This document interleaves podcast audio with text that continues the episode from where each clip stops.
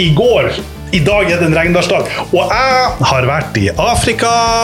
Og sammen med oss har vi hun Lena. Velkommen, Lena. Hallo, hallo.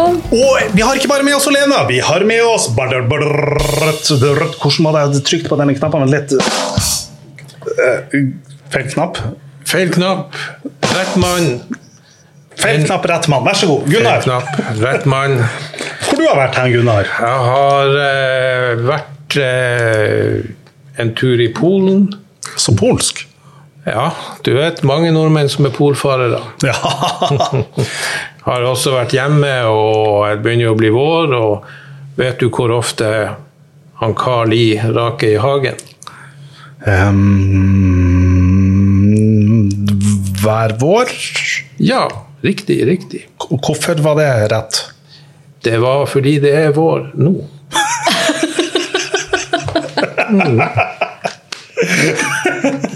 Ja, det, Ja. ok. Nei, men eh, kanskje vi skal ta en vits for å Ja. løsne på stemningen?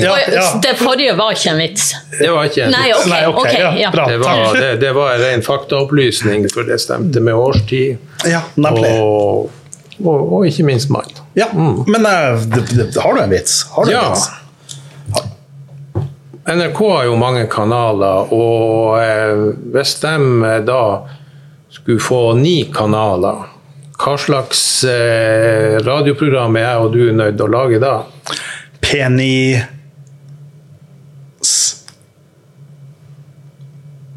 eh, R. Futteral. Futteral. Futteral. Da kan du introdusere. Velkommen til Peni... Nei. Velkommen til Futseral. Eh, Nei, prøv litt til, Marius. Åh, og det her er så flaut. Gunnar, kan vi klippe ut det her? Ka- Kan, fordi at Lena hun Han, han vil at du skal si 'velkommen til Gunnar og Marius sitt penisfutteral'. Ah, er det det? En- Velkommen til Gunnar og Marius penisfutteral!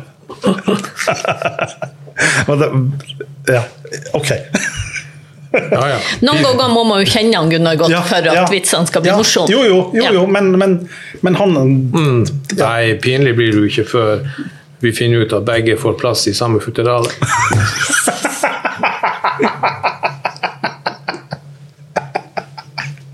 Takk, takk, takk. takk. Folkens, vi skal snakke om, jeg skal snakke om elveguder og, og voldtekt og sånn her, og Gunnar skal snakke om hatefulle ytringer, og Lena Lena, vi må jo bare introdusere litt. Hvem, hvem, hvem i all verden er hun Lena, sånn at eh, folk liksom vet det her? Oi, det var, det liksom var et stort spørsmål. Ja, ja. Hva er liksom kjerna av din liksom, identitet? Hva er kjerna av min Nemlig. Sånn at når du, liksom, når du liksom vokser opp som en blomst, hvilken farge er blomsten, og hva heter Og blomsten? blomsten er utvilsomt rød. Jeg har et Mm. veldig rødt hjerte på veldig mange forskjellige områder. Ja, Ja. eh, Både når det gjelder det ene og det andre. Men, eh, men ellers så er jeg ei enkel sjel fra Andøya.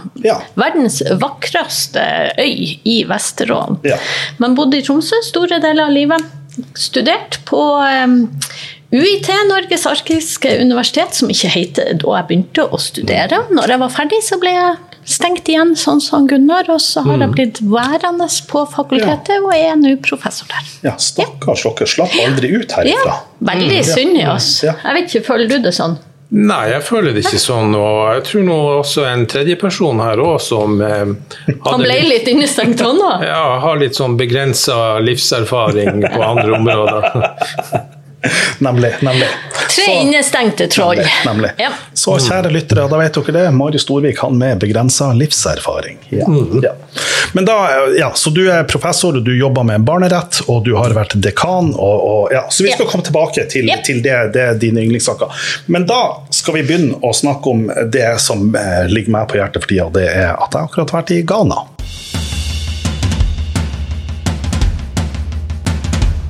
Og jeg, har jo vært, jeg var jo i Ghana for et år siden, eh, men jeg måtte tilbake fordi at jeg hadde noen ting som jeg ikke hadde helt funnet ut av.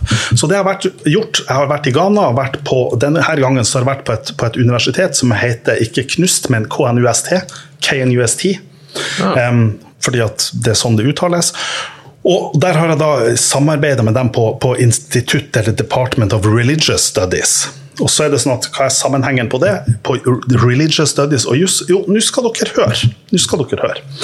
Fordi at Det jeg er opptatt av, det er det her med tvisteløsningssystem, og så er jeg opptatt av hvordan er det vi behandler ungdommer, og hvordan er det vi behandler barn og unge, og hvordan er det i forhold til tvang, og hvordan er det i forhold til helsesituasjonen, og sånn her, og liksom dratt ned dit for å få et helt nytt perspektiv. Og Nå skal jeg fortelle dere en historie som viser meg hvordan man kan få et helt nytt perspektiv på ting på en annen måte. Så jeg sitter inne i, i, på den universitetet og gjennomfører et intervju med en høvding, en stammehøvding fra EV-folket i Volta-regionen. Og I det intervjuet så bruker jeg den metode for komparativ rettslig metode, og på en måte prøver å kategorisere hvordan et deres tvisteløsningssystem som fungerer ved siden av det offisielle rettssystemet, fungerer. Og så er en del av det spørsmålet prøve å få avklart liksom, hvor er innslagspunktet på når er det man på en måte går fra det tradisjonelle høvdingstvistløsningssystemet, og når er det man går over til det offisielle politisystemet.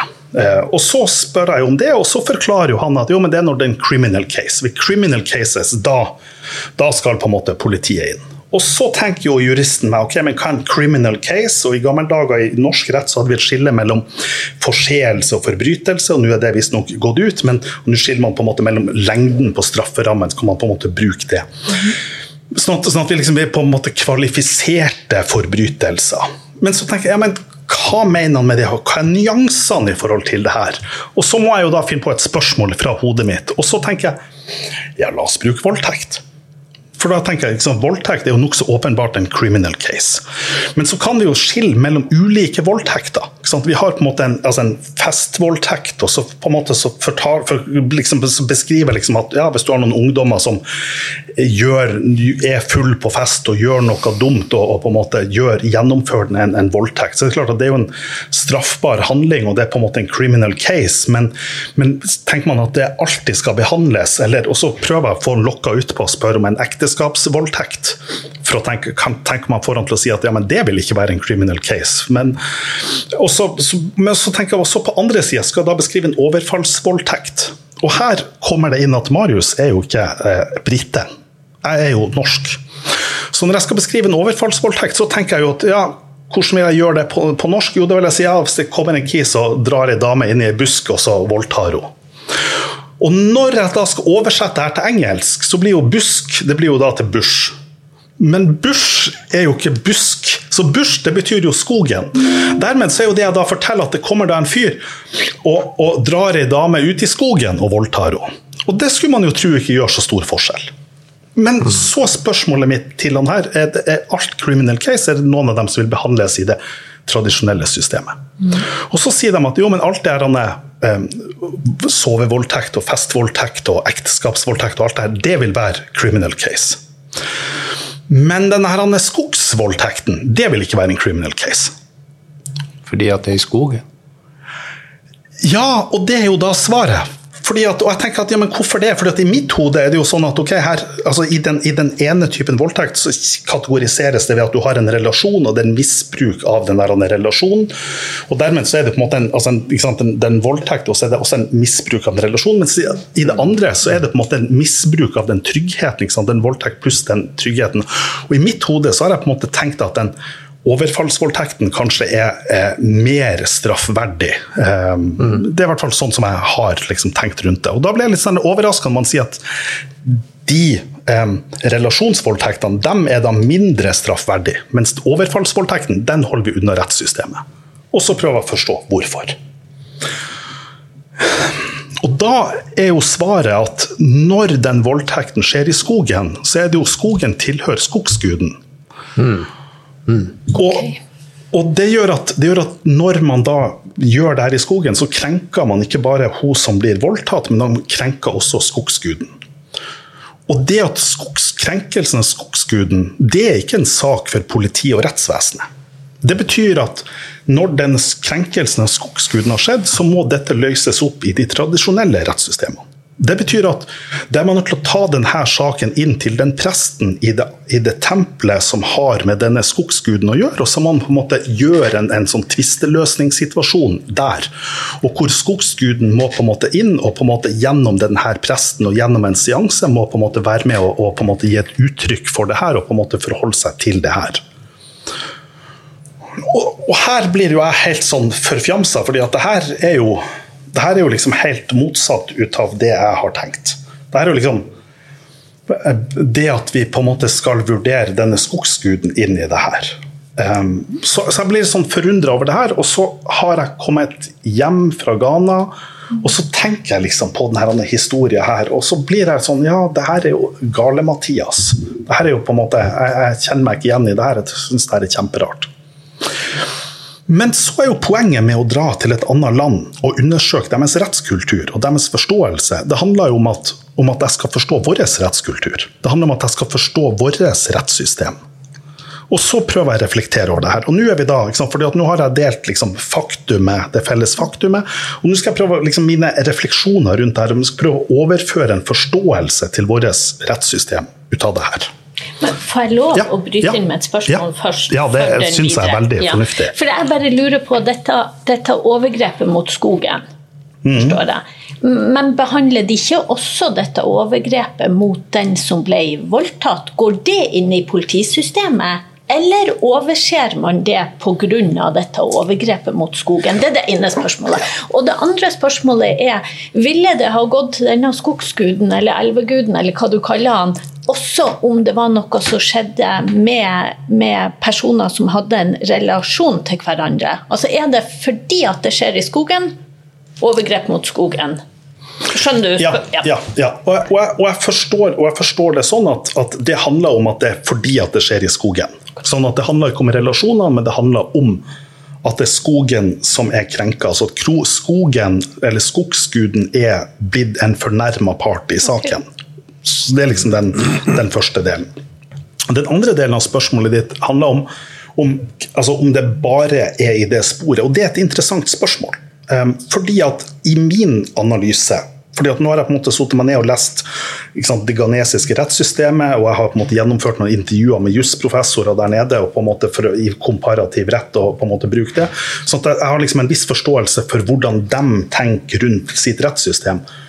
Og jeg er nokså overbevist om at hvis det kommer en politianmeldelse på denne voldtekten i skogen, så vil politiet eh, etterforske den, og, og, og, i det minste hvis denne saken vil komme til domstolen, så vil domstolen aldri avgi saken og si at nei, denne denne voldtekten har skjedd i skogen, så det er utenfor mm. vår jurisdiksjon. Sånn at, sånn at, jeg tenker at, og jeg forstår at det ghanesiske rettssystemet vil behandle denne saken, uavhengig av om den har skjedd i skogen eller hvor den har skjedd. De vil behandle dette som en voldtekt. Så det er liksom det formelle rettssystemet. Sånn at Det som da blir det interessante her, det blir at, det blir at det, det eksempelet historien forteller at saken vil aldri komme til det formelle rettssystemet. Fordi at i de relasjonene, i de tingene som skjer rundt det her, så vil man ha en forståelse innenfor den kulturen om at dette hører hjemme for, i, i tempelet til skogsguden, og ikke hos politiet. Ok, så eh, da stiller du opp ja, to eh, relativt ulike jurisdiksjoner, og da er jo et spørsmål fra norsk side påtalespørsmålet. Er ikke det her saker med ubetinga offentlig påtale, og, og kan hva vi si, partene ha sånn rådighet over å si at nei da, vi, vi, vil ha det her for skogsgudens eh, ja, men, men, du vet Gunnar, når, når, holdt, når, jeg holdt på å lære meg strafferett for noen år siden, så lærte jeg nå, var, det, var det tre eller var det fire vilkår for straffbarhet? Noen som husker det? Var det fire vilkår for straffbarhet? Og så husker jeg hvert at men Uansett hvor mange vilkår det nå var, så lengte vi på et siste vilkår om at du må bli tatt. Ikke sant? Og, og, jeg tror at akkurat det er poenget her. Fordi at, fordi at ja, Selv om at en ubetinga offentlig påtale, så forutsetter jo likevel at det blir gitt en informasjon om det. Altså Politiet og påtalemyndigheten må få en informasjon om det. Hvor skal de få den informasjonen? Og da er det jo spørsmål den som da er blitt utsatt for en voldtekt, ja, den kan åpenbart dra til politiet og levere denne politianmeldelsen, men det er kanskje ikke kulturelt naturlig at man gjør det. Det er kanskje i denne kulturen, og det, og det vet jeg ikke. Jeg kan se for meg at det er naturlig at det er det pårørende, eller at det, en måte er et sånt som på en måte bistår i den sånn prosess. Men det, det vet jeg ikke. Det er teknikalitet. Så, så hvis f.eks. det her kommer politiet for øre, og, og hva vi si, eh, den som ble voldtatt, var så inne i denne kulturen at hun mente at saken rettmessig hørte hjemme i skogsgudens tempeldomstol, så da kunne det tenkes at den voldtatte ville da si til politiet at nei, jeg har ikke blitt noe voldtatt. Ja, ja det er sånn som jeg forstår det, at vi, vi kan tenke oss det. Akkurat. Men så blir spørsmålet hvordan skal vi forstå det her i norsk kontekst? Og da, og da er tanken min som følger. At i Norge så skjer det ganske mange kriminelle handlinger eh, som aldri kommer for politiet. Altså, det, det er ganske mange handlinger som skjer som aldri blir politianmeldt, men som likevel vil være en forbrytersk handling. De, de vil på en måte aldri komme opp dit. For, og det kan være en million ulike grunner til det. Men, men altså, jeg har, jeg har, jeg har, to, to, jeg har flere unger, men jeg har en unge på 16 og en på 19. Og begge to her er jo da over den, dens kriminelle lave alder. Og så kunne jeg se for meg at de her to da har en slåsskamp, og hvorav den ene slår til den andre. Og da vil han på en måte gjøre en, en kroppskrenkelse, som da vil være en straffbar handling. Og så er spørsmålet hvordan er det naturlig at vi da reagerer på denne straffbare handlinga? Og da tenker jeg at det vil være veldig unaturlig hvis noen av disse to, eller jeg som far, drar til politiet og leverer en politianmeldelse ut av det. Jeg tenker at, at, at, Men hvis politiet får tak i denne saken, så vil jo dem sannsynligvis kunne på en måte pushe på for en, for en, eh, altså for en anmeldelse. Um, og så har du de reglene ubetinget offentlig påtale. Så kan du si at ja, dette skjer jo innenfor en familierelasjon, og, og sånn her, og da er du strengere krav for det her. eh, Ja. Nå er jeg litt usikker på om akkurat de reglene slår til i forhold til søsken, eller om det bare er for ektefelle og foreldre, men, det, men, men, men, poenget, men poenget står seg likevel. Eller vi kan se for oss ei skole. Hvis vi går inn på en norsk ungdomsskole, så er det sånn at, at på den norske ungdomsskolen så vil du da se tilfeller av seksuell trakassering. Du vil kunne ha ulike typer voldshandlinger, du vil ha på en måte ulike handlinger som skjer. Og så er det sånn at veldig få av disse handlingene vil på en måte være så alvorlig som en voldtekt, som i det eksempelet her gir. Men poenget er likevel at, at innenfor denne skolekonteksten, hvordan er det man vanligvis vil løse dette opp? Jo, man vil vanligvis løse denne kriminelle handlinga opp innenfor skolen sin jurisdiksjon. Altså to elever som går i samme klasse, de begynner å slåss i klasserommet. Læreren, rektor, eh, foreldre på, ordner på en måte opp i det her. Det her skjer på en lørdagskveld i Storgata i byen. De samme to karene utfører de samme handlingene. Hva skjer da? Jo, da er du rask, raskt en politisak. Og dermed så er vi liksom på en sånn parallell her. At ja, formelt sett er det sånn at den handlinga her, den straffbare handling, den straffbar handling både i skolen og når ungene mine slåss hjemme hos, hjemme, hos, hjemme hos meg, og på gata. Politiet har en jurisdiksjon overalt, der påtalemyndigheten vil kunne gjelde overalt. Men i vår kultur har vi har det sånn at det er noen straffbare handlinger som vi tenker at dette er ikke en sak for rettssystemet. Her må vi på en måte finne en annen måte å ordne opp på. Og det, så er det spørsmål, Hva er det som forutsetter at vi kan finne en tvisteløsningsorgan, en tvisteløsningsmekanisme i vårt system, uten å involvere det formelle rettssystemet? Og i Min analyse videre her er at det forutsetter at partene har for det første forutsetter at partene har en forutgående relasjon seg imellom. Det andre jeg tenker at partene bør ha en etterfølgende relasjon. Det betyr at hvis denne handlinga er av en så alvorlig karakter at den bryter den etterfølgende relasjonen, så tenker jeg at da, da vil man på en måte ikke tenke at dette er naturlig for å løse opp i dette systemet. Den, den tredje elementet i min analyse er at dette krever, det er at det finnes en eller annen tredjepart inne. Det finnes en eller annen person eller, eller størrelse med en, med en felles respekt, felles autoritet fra begge de to partene. Altså I skolen vil det kun være læreren eller rektoren.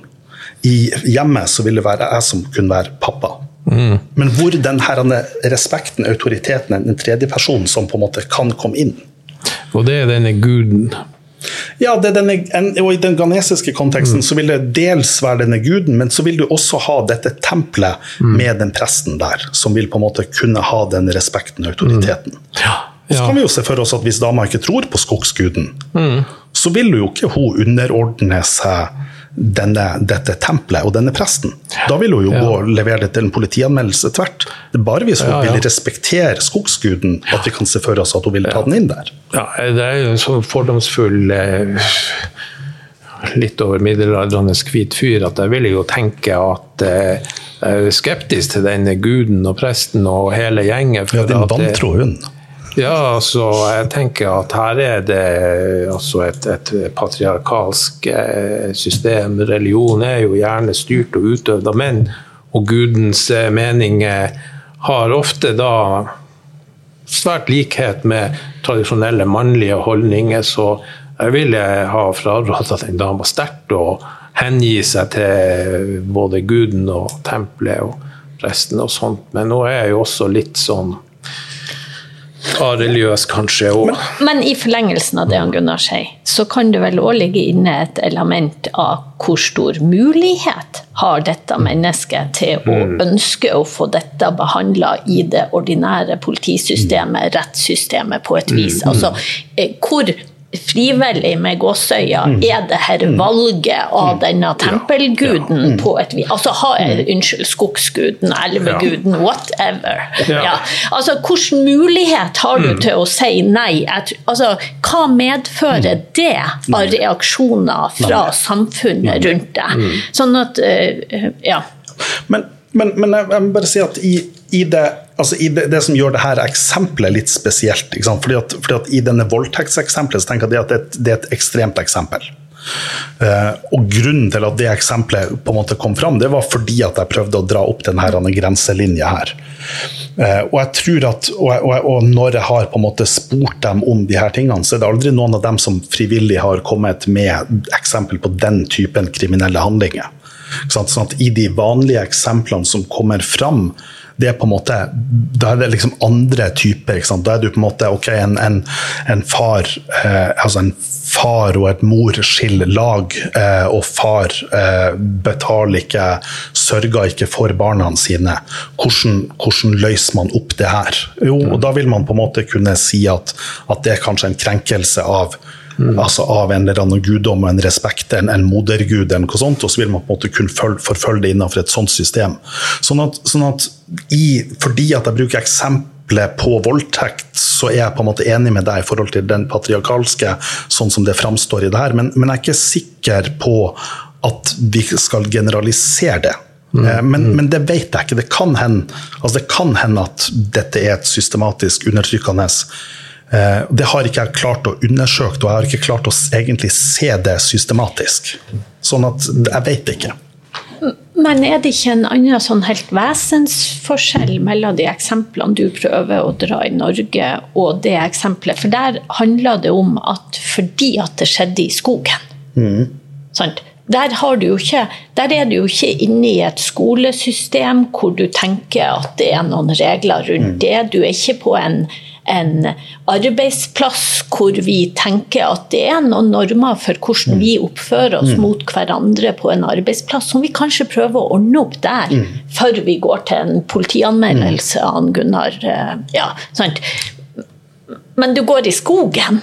Altså, er det ikke en helt vesensforskjell? Eller eh, familieeksempelet dette, altså hvor du er i en familiesituasjon, og hvor du um, Altså, er det ikke noe helt annet ved at det er og Gjelder det skogen, så regner jeg med at det kanskje gjelder elva, og kanskje det gjelder fjellene, og kanskje det gjelder Jeg vet ikke. Og, og, det, og, det helt, og det er helt enig med deg i, fordi det er ganske, altså det er ganske store forskjeller. Men det, som, men det, som, men det, det, her har gitt meg, det er at, det er det at jeg har på en måte ikke altså at Det har gitt meg muligheten til å gjøre den analysen av forskjellen på slåsskampen i skolegården og slåsskampen på lørdagskvelden i gågata. med de samme partene. Hvor jeg plutselig liksom før jeg fikk det her eksempelet, så har jeg på en måte tenkt at ja, det er en strafferettssak. Og sånn her. Og plutselig så ser jeg ja, men det, det er noen nyanser innenfor vårt system. Og hva er det som utgjør de her nyansene? Og så jeg, er jeg helt enig med deg om at, om at, det er på en måte ganske prinsipielt forskjellig. Men samtidig så er det jo likevel noen sånne Hvis du på en måte tar skrittet tilbake og du på en måte prøver å, å abstrahere det her, så er det likevel sånn okay, da er det på en måte noen, noen likheter her. Jo, Den ene likheten er det at hva er grunnen til at når vi leverer en politianmeldelse, jo, det er fordi at vi har en grunnleggende tro på at politiet vil ta anmeldelsen på alvor, de vil sette i gang en etterforskning, de vil skaffe alle bevis, de vil prioritere saken, og det vil ende opp med en fellende dom. Det er en sånn grunnleggende tro hos Ola Nordmann som vi som jurister kanskje ikke deler. Vi, vi, er på en måte vantro fordi vi kjenner systemet for godt. at Vi, vi deler ikke den troa. Men jeg tror at den troa på det politisystemet, på det, de systemene, at det er bærende i våre samfunn. Og, at, og kanskje at troa på disse systemene, og at de fungerer, er like viktig eller viktigere enn selve systemene. Og så tenker jeg at I forhold til elveguden og skogsguden så tenker jeg at ja, for oss er det absurd å snakke om en skogsgud. Men hvis vi tar skrittet tilbake og sier at men hva er det som er det bærende her? Jo, det som er bærende her, det er en tro på en skogsgud. Og mm. troa på en skogsgud og en respekt i forhold til det gjør at folk tilpasser sine normer. Altså, jeg voldtar ikke noen i skogen. Um, fordi at det er krenkelse av skogsguden. Og så blir det sånn, ok, da, da, har vi kanskje litt mindre skogsvoldtekter. Og så får vi håpe at det er noen andre normer som begrenser voldtektene andre steder. Det tror jeg jo at det er, da. Ja. og så ligger det vel også en eller annen, greie i det her med, med, Når du viser til den forskjellen mellom den slåsskampen i Storgata på kvelden og den i skolegården. Så kanskje vi prøver å ordne opp i den på skolegården på en annen måte. Men det gjelder jo bare så lenge ikke noen av de involverte faktisk går til en politianmeldelse. Ja, da er jo politiet påkonnødd. Yes. Eller de her ungene dine ja, som ryker tottene på hverandre. Det er yes. ikke sånn at når de kommer nemlig. til politiet, så blir de avvist, fordi Nei. at dette har han pappa Marius ordna opp i. Nemlig. Og det tror jeg jo også gjelder det ghanesiske systemet. Jeg tror at når man kommer til politianmeldelsen, så vil ikke politiet avvise det. Nei. Og Dermed så må vi heller spørre men hva er det de mekanismene som gjør at man velger å ikke gå til en politianmeldelse.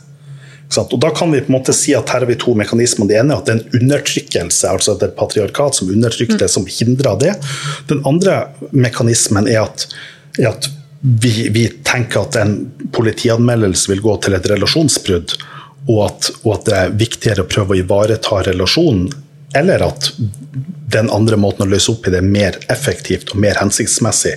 Eh, ja, at man har mer tro på den måten å gjøre det. Ja, ja og jeg, jeg, skjønner det poenget. Og så kan det jo hende at denne, denne diskusjonen her og denne tankerekka hadde vært enklere hvis vi ikke hadde snakka om en voldtekt i skogen på et ja, vis. At vi hadde tona det litt ja. ned også. Ja. For det er jo mange, mange, ting vi gjerne skulle ha diskutert nemlig, her. Nemlig. Altså, den er jo ganske interessant.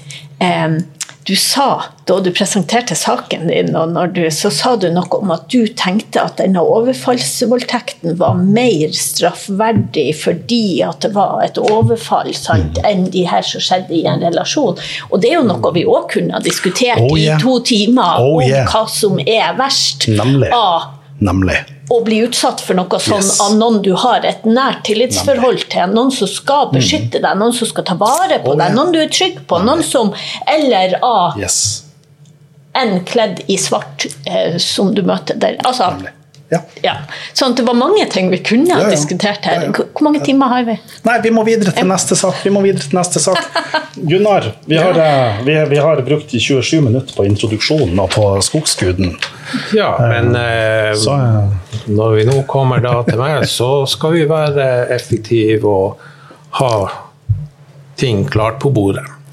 Men ingen hatefulle ytringer fra deg? Nei, Nei? da ingen, ingen hatefulle ytringer fra meg. Jeg er veldig opptatt av hatefulle ytringer. og da, da lærer man å, å styre under dem sjøl, også i sin egen ytringspraksis. Så skal, det her skal formidle tilbake til skogsguden, for jeg syns du var litt sånn krenkende ovenfra. Mm. Eller hun, eller hen. Ja da, ja da, det tror det er riktig at skogsguden er informert om, om, om det her og sånt. Eh, hvis ikke så kan det bli utrivelig for meg å, å være i skog og mark, som jeg jo liker etter. Ja. Ikke så eh, Du ser bare noen busker som bøyer seg etter meg. Det er utrivelig, utrivelig.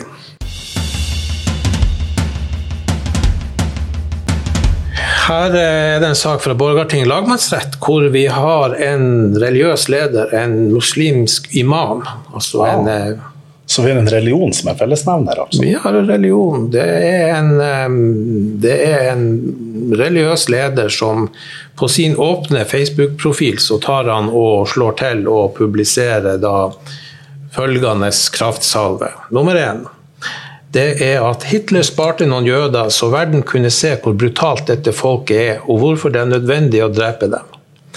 Det var jo logisk konsistens i den. Og nummer to eh, er i samme gata. Israel er en sånn djevel at Hitler sparte noen jøder, jøder så verden kunne se at dersom de overlevde, ville de fortsette å være en fare for menneskeheten. Ja. Så det Her har vi da to utsagn som er da et klassisk eh, brudd på straffelovens paragraf 185 om forbudet mot eh, hatefulle ytringer. Jeg syns faktisk det er ubehagelig bare at du gjentar dem, altså at de blir sitert. Ja, ja. Eh, eh, ja. ja. Og eh, det her ble jo da eh, anmeldt da, av Antirasistisk eh, Senter, og eh, det som er skjedd, er jo da eh, at det, ble erkjent av eh, denne imamen at eh, han hadde framsatt, framsatt disse, disse ytringene. Så det som fanger hva vi si, interessen Imamen blir jo dømt. Han blir dømt til 60 dager betinga fengsel og ubetinga bot på 12 000, så den, den saken er grei.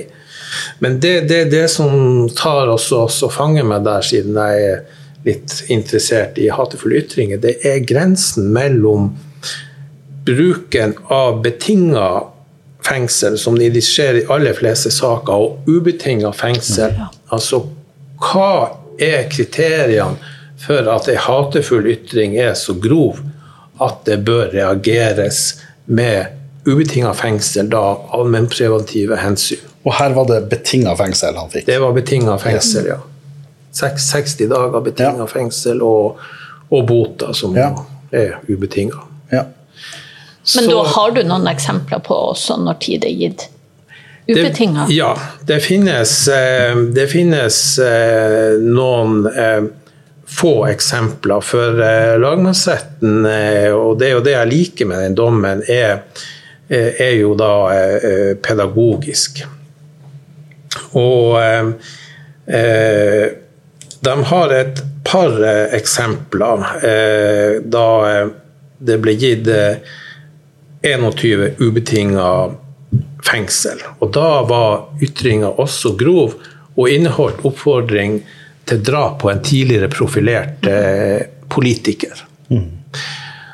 Og da eh, med hva vi sier Det finnes også en, noen andre praksiser, men da er det noen som er så ute å kjøre at det er kombinert med, med, med vold og, og andre ting, så det er ikke sammenlignbart. Slik at det er denne drapstrusselen mot politikeren som Ja. på en måte blir mønstersaken. Og da får vi vridd ut av sitronen, vi får vridd ut eh, to, to kriterier.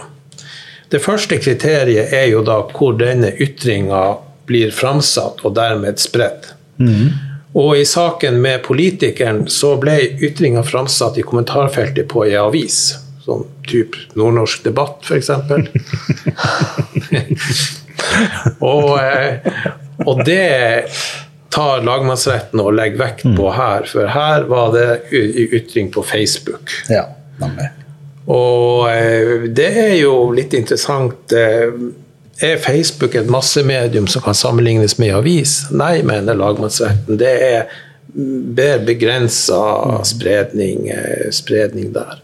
Så jeg syns jo kanskje det er litt rart, men ungdommen er sikkert enig som sier at Facebook bare er for gamlinger. Så um, Jeg er ikke sikker på om alle de samme ungdommene er inne på kommentarfeltet til alle i Nordnorsk debatt, som jo For eksempel. Eller andre aviser. Men, men eh, mm, det ja, var en digresjon. ja. Unnskyld. Nei da. Og, og så vrir vi også ut ei Skal vi se, ytringen ble større spredningspotensial enn ytringer på en privat parentes, om en åpen Facebook-side. Og der et kriterium til. At eh, det er spørsmål om hvem er det man rammer med ytringer. At eh, rammer man en enkeltperson, sånn som politikeren, så anses det grovere enn om man tar og så eh, går etter ei gruppe, folkegruppa, som, som jøden, jødene eh, her. Og eh, Sjøl om det er i gruppa, så anser også retten det her som grovt at det er henvisninger til Hitler, holocaust og tilslutning til nødvendigheten av å ta livet av dem, som de så Ja, poetisk eh, eh, framstiller det. Så det er, det er de, eh, de to, to kriteriene som da lagmannsretten får på en måte altså klemt ut av sitronen for å skille mellom betinga og ubetinga. Også som i strafferetten ellers, så har du da skjerpende og formildende omstendigheter. Og i skjerpende retning så eh, var jo det at han var imam. Og du dermed skal, som imam, så har du, eh, du er et eh, forbilde for menigheten din og, og sånt. Så det, det er jo mange da som, som da tar, også, tar for god fisk når du har en sånn spesiell stilling. Nemlig. Og en annen sak var at han prøvde seg med å si at eh, nei, altså det var ikke noe han hadde kokt i hop sjøl. Det var noe han hadde funnet hos noen andre og bare copy-paste. Men eh, lagmannsretten tar ikke oss og sluker det agnet. Sier ikke at det er ikke formildende at du har copy-pasta. Det er der du må for guds skyld kunne ta og, og, og vite hva du, hva, hva du holder på med. Så den eh, den, den, den slapp, man, eh, slapp man ikke unna med. Så, eh, så lagmannsretten er jo da i, eh, i tvil her.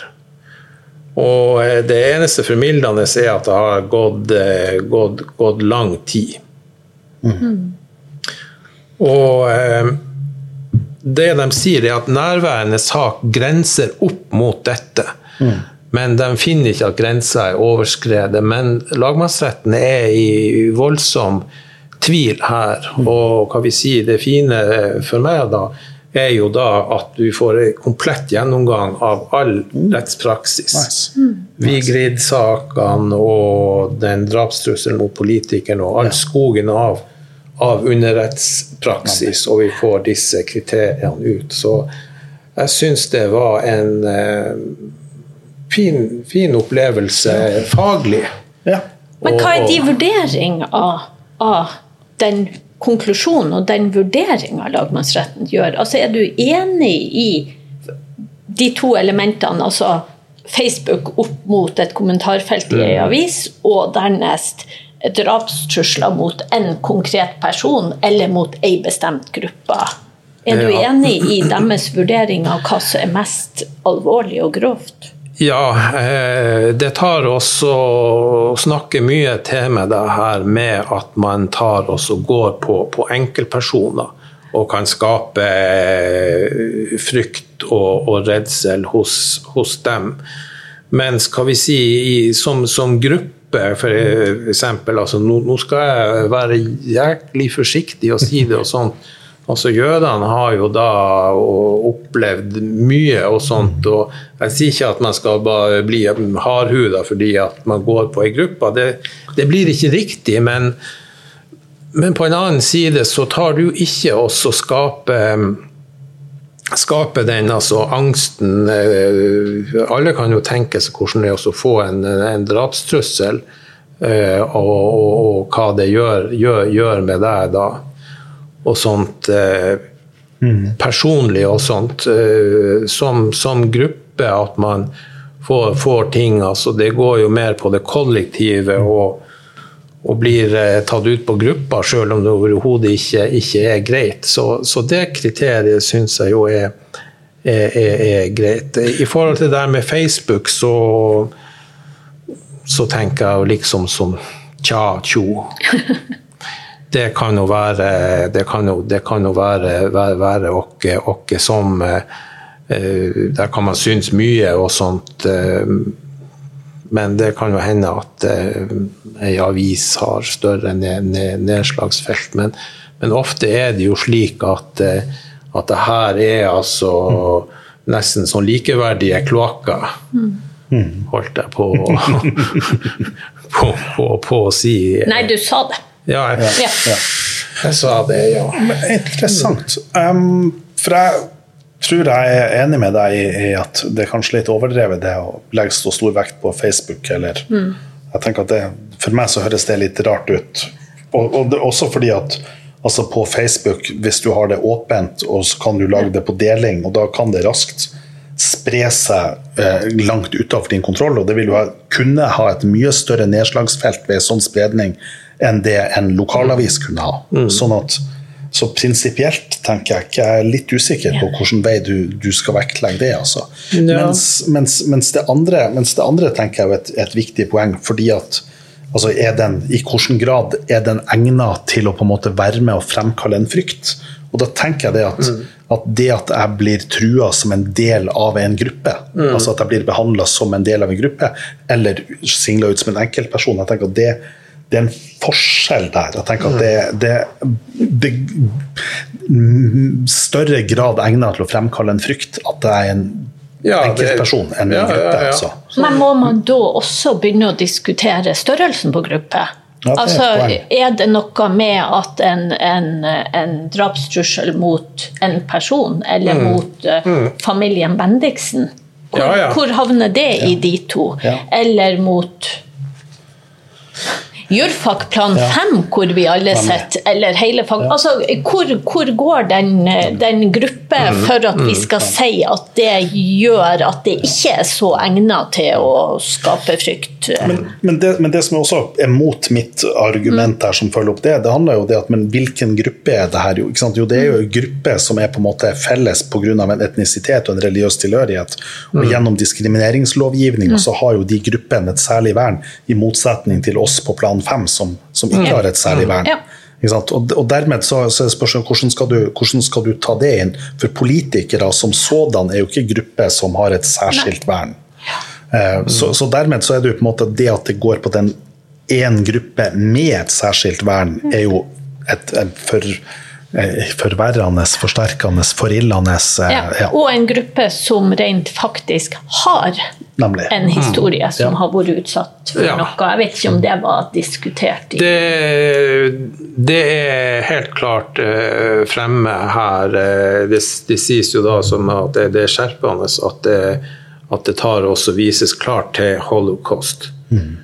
Og ei klar tilknytning der. Mm. Og, og, det er jo en interessant diskusjon det her, f.eks. At, at hvis nå en, en debattant hadde sagt at uh, at jeg ønsker at eh, alle hvite menn mellom 40 og 50 tok oss og bare eksploderte og, og ble til gørr i en eller annen sammenheng og sånt, altså, så skal du ha gitt ekstremt mye på for at dette skulle blitt tatt på alvor som en mm. hatefull, eh, hatefull ytring. Mm. For det blir så vilkårlig mm. at alle hvite menn mellom mellom 40 og 50 mm. ja. skulle være gjenstand for hat. Men blir ikke det en slags kombinasjon, at man må vurdere i sammenheng både ja. innholdet i og hvordan ja. grupper det rettes mot? Uh, ja. Og at de to tingene i lag kan forminske og forverre? Ja. I hvor stor grad det er egnet til å Ja, her er, det, her er det masse, hva vi si, Eh, markører som er ute, ut, ute og, og, går. Og sånt. På, på, på det her med, med, med, med altså, altså, altså gruppe På hva slags eh, måte er denne gruppa kan man skal si, sårbar eller særlig utsatt i det samfunnet hvor ytringa er framsatt, og, og kanskje også da på, på global basis og sånt. Jeg, jeg, jeg, har, jeg får en digresjon som ikke passer inn, men, men jeg er nødt til å ta den. For jeg har jo som sagt akkurat vært i Ghana. og da I en av de shady religiøse tekstene jeg da leser når jeg er i Ghana, som da på en måte behandler sånn trolldom. Mm. For at på en måte heks, witchcraft og, og, og hekseri og sånn her er jo på en måte en sånn kjent størrelse som man på en måte forholder seg til. og litt sånn, Hvordan skal vi forholde oss til det her i Ghana? Sånn, det, er en, helt annen diskusjon. Men, men i denne teksten så, så, det, så, skriver man da på en måte om at ja, vi har jo i altså i, i Europa så hadde man jo på 16, 1600-tallet og 1700-tallet så hadde man på en måte hekseforfølgelsene, hekse, heksebrenning og alle de her tingene. Um, og det har jo aldri vi i Afrika hatt. Um, og så er det at denne forfatteren av denne teksten da gjør, så sier han det at det at Europa gjorde det her, da kvitta man seg nok med heksene sine. Men siden Oi. vi ikke har kvitta oss med de heksene, så kan kanskje det være med å forklare årsaken til at Europa har hatt en større framgang etter det her enn det de afrikanske landene har mm. hatt. Um, Snakk om å klare å snu en, en dyster eh, skamplett i med heksebrenning ja. og drukning til noe positivt, ja, for det har gitt oss nemlig. Ja, akkurat. Sånn Så det er liksom forklaringsmodellen, og ikke forklaringsmodellen at mm. vi dro til Afrika Nei. og utbytta mm. dem med slaver og gull og sånn her. Det, det var nok heksebrenningene som Ja, så hvis ikke våre framsynte forfedre hadde tatt tak og brent heksen, så ville vi ikke hatt Nav og andre ja, velferdsgoder. Ja, nei, så jeg, jeg, jeg altså det, det, er jo, det, er jo, noen det, man, man, får jo av og til noen sånne perspektiver. Men det er liksom apropos det med hatefulle ytringer og, og, og, og, den historikken og hva det noen grupper har blitt utsatt for og sånn. Så, så jeg, altså, ja, jeg ble minnet på den. Eh, så var, var, vi ferdig med din sak, Gunnar? Har vi mer å si på den? Eller skal vi case, case, case closed. Det case closed, Men går det ikke an til å komme med litt sånn moralske formaninger til slutt, Gunnar? Jeg tenker Det går jo an å si til folk om de er på Facebook eller på Nordnorsk Debatt, eller hvor de enn ja. er. Altså, mm. Ville du ha sagt dette til noen? Når du sto framfor dem. Vil ja. du at noen skal si dette til dine unger, f.eks.? Hvis svaret på ja. det der er nei, så gi pokker i å skrive det. Yes. Ja. Det er Visdom, klokskap. Det er altså ja. Tastaturet har eh, vært et teknologisk framskritt, men ja. et tilbakeskritt når det gjelder eh, menneskelighet og nå ble det her et vakkert program. Jeg syns at, vi er nødt til å liksom få, bare få skrevet ut liksom et bilde av ansiktet til Lena. Og så skal vi bare sende det til alle nettrollene og be dem på en måte lime det opp på, på nedsida av skjermen. og bare sånn Vil du sagt det her til Lena? Og da, da ja, det det, skal vi liksom innføre Lena-testen. Men da spørs det om det blir bedre eller verre. Kan jo hende at en del ting de ville ha sagt til mest, de ikke bør skrive. Ja, det, det kan, vet man aldri. Vi kan få lage et interaktivt bilde av Olena som, som kobles til PC-en deres. Og hvis de skriver noe krenkende, så tar det bildet og så sender ut et gjennomtrengende skrik. Yes.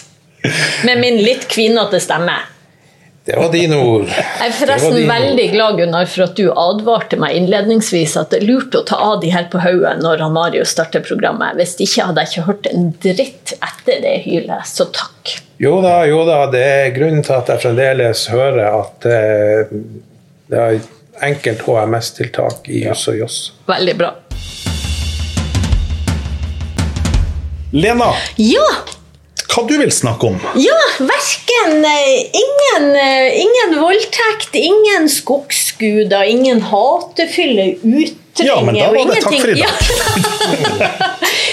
Nei, jeg tenker Altså det er mye som plager meg her i verden, som, men akkurat for tida så, så, sliter jeg litt med, og, og jeg og Trude jobber litt med det i lag, og sånn, med det her med Familielivet til et og hvem som står barnet nær, og hvem barnet skal ha kontakt med, og hvilke rettigheter det Altså, det var vel ikke noe overraskelse at det Nei, nei. handla om barneretter. Altså, Det- det er ingen av dere som ser spesielt sjokkert ut. Nei da, det Yes. Hittil, men vi vet aldri. Nei, det var det. Men, men sett at Nå har vi begge barn, men hver for oss, Marius. Men sett at vi hadde barn i lag. Og, og vi kan ha et par barn i lag, og vi kan være gift, og jeg er mor, og du er far, og i det hele tatt. Og så går vi fra hverandre, og så begynner vi selvfølgelig å Det var en krangle fin om- historie Ja, det fram til der, og da ble jeg litt Ja. sånn, jeg kjente det Og så begynner vi å krangle om hvor de her barna skal bo henne, og hvor de skal, hvem de skal ha samvær med, og hvem i det hele tatt.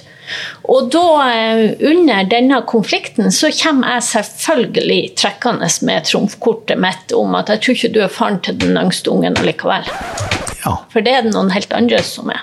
Ja. Han der Gunnar, Nemlig. nemlig. Ja. nemlig han josseren. Ja. Og, og hva da, på et vis? Når vi da får slått fast vi får stadfesta en eller annen gang gjennom DNA-analyse at du er ikke far til dette barnet, men du har vært far til det barnet i to år, fem år, ti år, whatever. Men nå er det en blodprøve som viser at nei, Marius, det er du ikke. Yes. Ja. Eh, Det er det noen helt andre som er. Hva gjør man da, på et vis? Og hva, hva gjør det? Fordi at vi har ei veldig sånn Vi har ei veldig snever lovgivning i Norge. Altså Barneloven er veldig snever i forhold til hvem som har rett til kontakt med et barn, til å få ha, til å få fastsatt samværsrett mellom barn og foreldre og sånn. Sånn at eh, der er det veldig få muligheter når du ikke er far til barnet. For du er ikke far til barnet. Du har vært det i ti år, helt i orden, men nå er du ikke det lenger. Og hva da, på et vis? Ja. Eh, og det er liksom ei side av det her. Hva gjør man da? For denne relasjonen mellom barnet og denne faren, som da plutselig ikke lenger er faren, den er jo helt reell. Det er jo ikke tvil om at der er close eh, personal ties. Ja, men, men Ja. Lena, altså, jeg kan jo såpass mye barnerett at hvis nå et sånn her mine og dine barn ekteskap går i oppløsning, og, og den ene da har fått et veldig nært eh, forhold til, til en av sine ikke-biologiske barn, så syns jeg å huske at for, eh, selv for 50 år siden, da jeg studerte og hadde barnerett i en liten hektisk måned, at den som eh, hadde etablert et sånt forhold, faktisk kunne få tilkjent samværsrett? Eller eh, Nei, altså, altså sånn, som, sånn som eh, barneloven er per nå, Ja. så har vi en bestemmelse om samværsrett for andre enn foreldre. Og den gir for det første hvis ene foreldre eller begge er døde, så kan slektningene til den som er død, sant? de kan kreve å få eh, samvær. Ja. Og så har vi andre ledd som sier at i en sak om samværsrett mellom foreldre, kan den forelderen som blir nekta samvær, kreve at eh, det blir fastsatt at hans foreldre skal ha rett til samvær med barnet. Sånn at vi har ikke den muligheten i barneloven. Ja, så Eh, det er men- det her biologiske prinsipp som har vunnet en fullstendig Ja, om det er det biologiske prinsipp, eller det er Det er vel litt tanken også om å rett og slett skåne barnet mot veldig mange konflikter. Fordi at med en gang du har et krav på noe, sant? når du har et krav på å få fastsette typen en samværsrett, så har du òg en mulighet til å gå til domstolene. Du har en mulighet til å gå til domstolene gjentatte ganger. Du har en mulighet til sant? Ja. Men, men det som er clouet, er at, at etter eh, den norske barneloven så er det per nå veldig snevert. Nå er det et forslag på banen om å utvide det litt, men det er også ganske snevert. Men det er veldig snevert. Sånn at Tradisjonelt så har det vært sånn at han Marius, når vi oppdaga at han ikke var faren, så har ikke han Han kan ikke kreve noe etter Nei. lov om barn og foreldre. Sant? Og så har vi hatt noen saker nå som har blitt avgjort av lagmannsretter rundt omkring, og som har gått til Høyesterett, hvor Høyesterett har sagt at eh, da må vi se hen til eh, EMK artikkel 8 og Grunnlovens eh, 102 i sammenheng Ja. med 104. Og så må vi faktisk fastsette samværsrett for Marius. Sånn at Ja. det er nå blitt fastsatt samværsrett helt i strid med hva barneloven sier i noen tilfeller. Og i en av de sakene så sier Høyesterett sågar at det kan ikke utelukkes at man også i et sånt tilfelle kan bestemme at disse barna, eller dette barnet, det var vel bare ett barn du ikke var far til? var det? Ja, det husker jeg ikke. Ja. Det var bare, det var Det var bare ett Ja. barn han ikke var far til. Ja. Det, så det kan ikke utelukkes at det òg fastsettes at dette barnet skal bo hos denne mann som har vært far, og som ikke lenger er faren. Eller at han skal ha foreldreansvaret. Og det her gir meg en masse dilemmaer. fordi at på den ene sida så er jeg en veldig stor tilhenger av at vi tar utgangspunkt i barnets rett til familieliv. Barnet har en nær og personlig forbindelse til denne personen og bør ha en mulighet til å få opprettholdt det. Ja. Sant? Ja. Men altså, hvor langt strekker det? Og, og hvor mange ganger kan vi oppleve det? Altså, det er jo ikke usannsynlig. Jeg trenger ikke å gå langt utenfor min bekjentskapskrets for å komme til barn som har hatt flere steforeldre. Du var inne på steforeldre i stad. Kan være akkurat det samme. En stefar som opptrer som far for et barn i lang tid, og så blir det slutt mellom de, og så har du ingen rettigheter til et barn som du har opptrådt som far for i lang tid. Eh, Sånn, det det er noe her. Og, og, og så er det noe med måten vi velger å løse det på. fordi at eh, Etter min mening så må vi endre loven. Vi må endre både barneloven og barnevernsloven. For vi må utvide kretsen av personer som et barn kan ha rett til å få fastsatt samvær med, for å ivareta barnets rett til familie og privatliv. Men, men hvor skal vi trekke grensen? Skal det gå noen grense?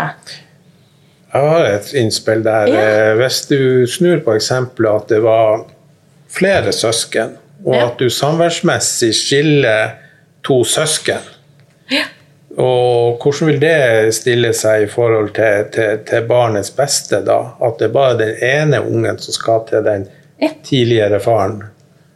Det er det i, i en av de her sakene som, var, eh, som har vært behandla. Altså, der var det eh, Foreldrene var gift, de fikk to unger mens de var gift. Og da de gikk fra hverandre, så var de her ungene ni og fire år. Og så praktiserer man delt omsorg i et par år. Fungerer helt fint med begge de her ungene. Og så oppstår det en konflikt, og vi begynner å krangle om det. Og da kommer da mora i det tilfellet med trumfkort om at «Men jeg tror ikke du er faren til den yngste, den som nå er blitt seks år. Men den nye mannen min, han jeg nå har gifta meg med, han er faktisk faren til det barnet. Ja. Og da har du det gående med en, en, en storesøsken som skal fortsette å ha delt omsorg hos den som tidligere var felles far for dem. og ikke... Skjønner dere, det, det her kan bli ganske Ja, ja. komplisert, rett og slett. Eh, og, så, og så lurer jeg på så, ah, Skal vi sette noen grenser? Hvor mange Hvis nå Hvis nå Nå ble det mye eksempler her. Jeg har flere. Ja, hvis nå det her barnet Når vi gikk fra hverandre, og du ikke var far til den ene, og så får du fastsatt samværsrett med den allikevel. Og så innleder jeg et nytt forhold til en annen mann, og det varer i fem år. Og han opptrer som far for det barnet. Og så går vi fra hverandre. Skal da han også kunne få en samværsrett til det barnet fastsatt og vil det da oppheve din, eller skal dette barnet ha samværsrett både med deg som har opptrådt som far, og med han her nye Per som har opptrådt som far? Og kanskje kommer den biologiske faren om Gunnar kommer inn fra sidelinja og vil òg ha. Altså, skal vi bare plusse Hvor mange samværsretter kan fastsettes? Det er en ting jeg lurer på. Kan vi sette en grense? Og en annen ting jeg lurer på, er denne uttalelsen fra Høyesterett om at det kan ikke utelukkes at vi også må ut fra EMK artikkel 8 si at barnet skal bo fast hos han Marius. Og jeg er veldig i tvil om EMK kan trekkes så langt, og om praksis derifra kan trekkes så langt. Ja. Interessant. Mm, veldig Det interessant. minner meg om det, jeg, har, jeg har jo eh, sånn Før jeg, før jeg traff Lena og, og det her tingene skjedde, og sånt, så, så er er jeg jo, jeg er jo liksom på mitt, mitt, andre, mitt andre ekteskap. da. Eh, så Fra mitt forrige forhold så har jeg da to barn. Og, og sånn at hun yngste, som nå da er altså i det, som nå er 16 eh, hun, altså, hun og kona mi de ble, ble en familie når hun var fire år. Sånn to, på, så har det vært fire, så det i tolv år har min kone da vært, Ja. Vært liksom en sånn mors, morsrolle for henne. Og så husker jeg her for, for et års tid siden, eller et eller annet sånn mm. han tilbake, så, så plutselig så kommer hun til meg og så sier det at pappa, du må aldri skille deg fra, fra Bente. Og så blir jeg sånn ja, det hadde jeg nå ikke tenkt å gjøre, men hvorfor sier du det? jo, så sier hun at nei, for jeg vil ikke klare å bo ei uke hos deg, ei uke hos Bente og ei uke hos mamma. Jeg, altså det er sånn, jeg syns det er vanskelig nok å dele livet mitt med liksom, to, to hjem. ja. Mens hvis du skiller deg fra henne, så må jo jeg dele livet mitt i tre hjem. Og det, det blir for vanskelig for meg. Og, ikke sant? og det her kommer da fra 16-åringer. Og det her gir meg jo liksom masse refleksjoner. fordi at For det første så er jo den, den første refleksjonen om at sorry, du har ingen rett til å være sammen med hun som har vært din mor i tolv år, fordi at hun er ikke din biologiske mor, så hun har ingen rett. Ikke sant? Og så kan vi da dette spørsmålet om familieliv, men for hun så vil det da være helt selvsagt at hun er min familie, derfor så vil jeg ha en rett til det, og det vil være helt naturlig at jeg deler min tid altså mellom dere. Men så kommer da det andre poenget, og det er jo det du er inne på her. Og det er jo da spørsmålet ok, men hvis du da skal dele opp det, hva er et hjem, hva er en familie? Fordi at den er et eller annet med det hvor, hvor lenge, hva er én familie? Hvor mange kan dele det opp, og det fortsatt er én familie? Og da tenker jeg at man har rett til en familie, og i de første eksemplene vi gir, når det på en måte renskårer enkelt, så tenker jeg ja, det, det er klart, man har rett til et familieliv, og familielivet er ikke knytta til det biologiske. Derfor følger logikken fra Høyesterett og fra EMK om at si at ja, man har en rett også til, til familieliv med det ikke-biologiske barnet. Ja, Og det cross tenker jeg- personal ties. Ja, altså Hvis det er etablert, så Nemlig. inngår det i retten til Nemlig. respekt for familieliv. Men, så, nemlig. Ja. Men, så, men så oppstår jo, som du da sier, hvor, hvor close skal det være, og på hvilket tidspunkt, og hvor mange. For det er jo noe med det at som mennesker så har vi en begrensa relasjonell kapasitet. Og, og på et eller annet punkt så har vi brukt den opp, og vi klarer ikke å binde oss til flere. Og da blir det på et eller annet punkt skadelig for en person.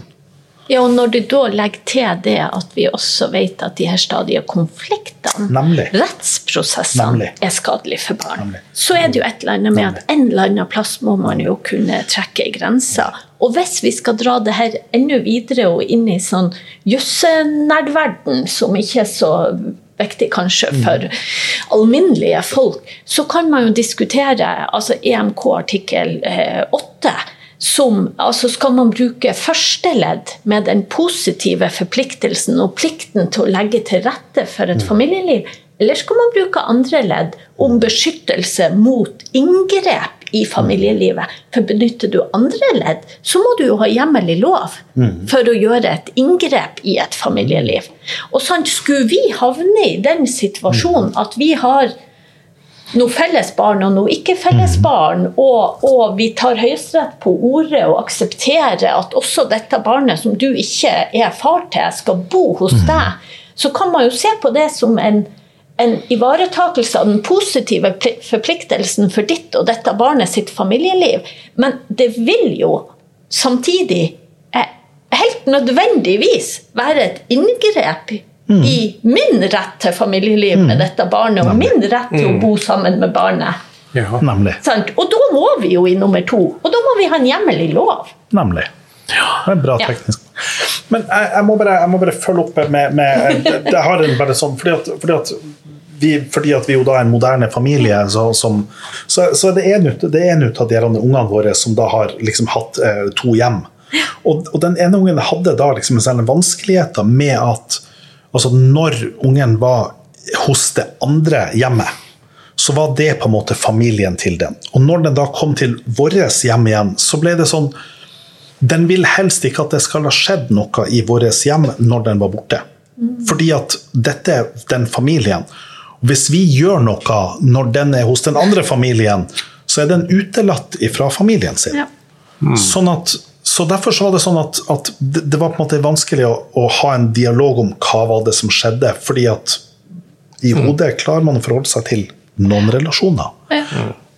Og så jeg tenker at det er, noen, det er noen tekniske, det er noen rettslige, det første ledd, det er det andre ledd. Hvordan er lovkravet? Hvordan Så er det er mennesker, det er noen relasjoner, er og- så er det mennesker, og det er konflikter, og så er det- ja. ja. ja, det er mye så- rart. Men jeg, jeg tror altså for å, å um, Vi kunne ha rota oss inn i veldig mange eksempler her. Ja, da. Det er fint. Men vi skal ikke dra den helt ut. Men, men jeg, har ikke løsninger på det her. Jeg har ikke, men jeg er helt sikker på at vi må endre loven vår. Vi må Mm. endre barneloven, og vi må endre barnevernloven. Ja. fordi vi, vi må i større grad akseptere barnets rett til familie og privatliv. og og det å kunne ivareta de relasjonene barn har. Og det må inn i loven vår. Og så er jeg veldig i tvil om vi skal dra det så langt som Høyesterett har antyda, for det tror jeg ikke faller innafor. Så det er den ene sida av det. Og den andre sida av det, som jeg tror også kan hjelpe, det er at vi må gjeninnføre fristene for å endre de her farskapene. Altså, det her har vært en sånn pendel som har svinga i en masse år, hvor vi har hatt frister, ingen frister, hatt frister, ingen frister. Akkurat nå har vi ingen frister. Det betyr at hvis postmannen går og lurer på om han er faren til denne ungen, og tror at han er det, så kan han bare gå og ruge på det i år etter år etter år etter år. Og så når barnet er 16 komme og på en måte forstyrre hele livet til dette barnet, og kanskje ta fra barnet en, en sosial far som har vært der hele Altså, få tilbake fristene sånn at eh, når man får mistanke om at det er noen andre som er faren, eller tror man er far til et barn, så gjør noe med det. Jepp. Rett og slett. Syns dere det blir streng? Gunnar ser vettskremt ut. Nei, det, det er overhodet Nei, jeg- ikke. Men vi konkluderer det at, eh, at, at Livet er vanskelig. livet er vanskelig. La oss ikke gjøre det vanskeligere enn enn det allerede er. Hva det, var det en bra konklusjon, Marius? Jeg tror det var en bra konklusjon. På alle, både, både sånne her eh, skogs... eh, Skogsguder. skogsguder på eh, hatefulle ytringer og på endring av foreldreskap. Og, Ja, ja. jeg tror at, jeg tror at eh, kanskje konklusjonen er ta vare på hverandre, vær snill med hverandre. Ta vare på de relasjonene. Husk på at vi har bare ett liv. Du kan ikke si det med sånne stemmer! Så eh, kjære lyttere, ta vare på hverandre. Ta vare på dere sjøl. Ha det godt. Lytt på neste Jus og Joss. Podkasten Just og Joss produseres i samarbeid med Result på Universitetet i Tromsø.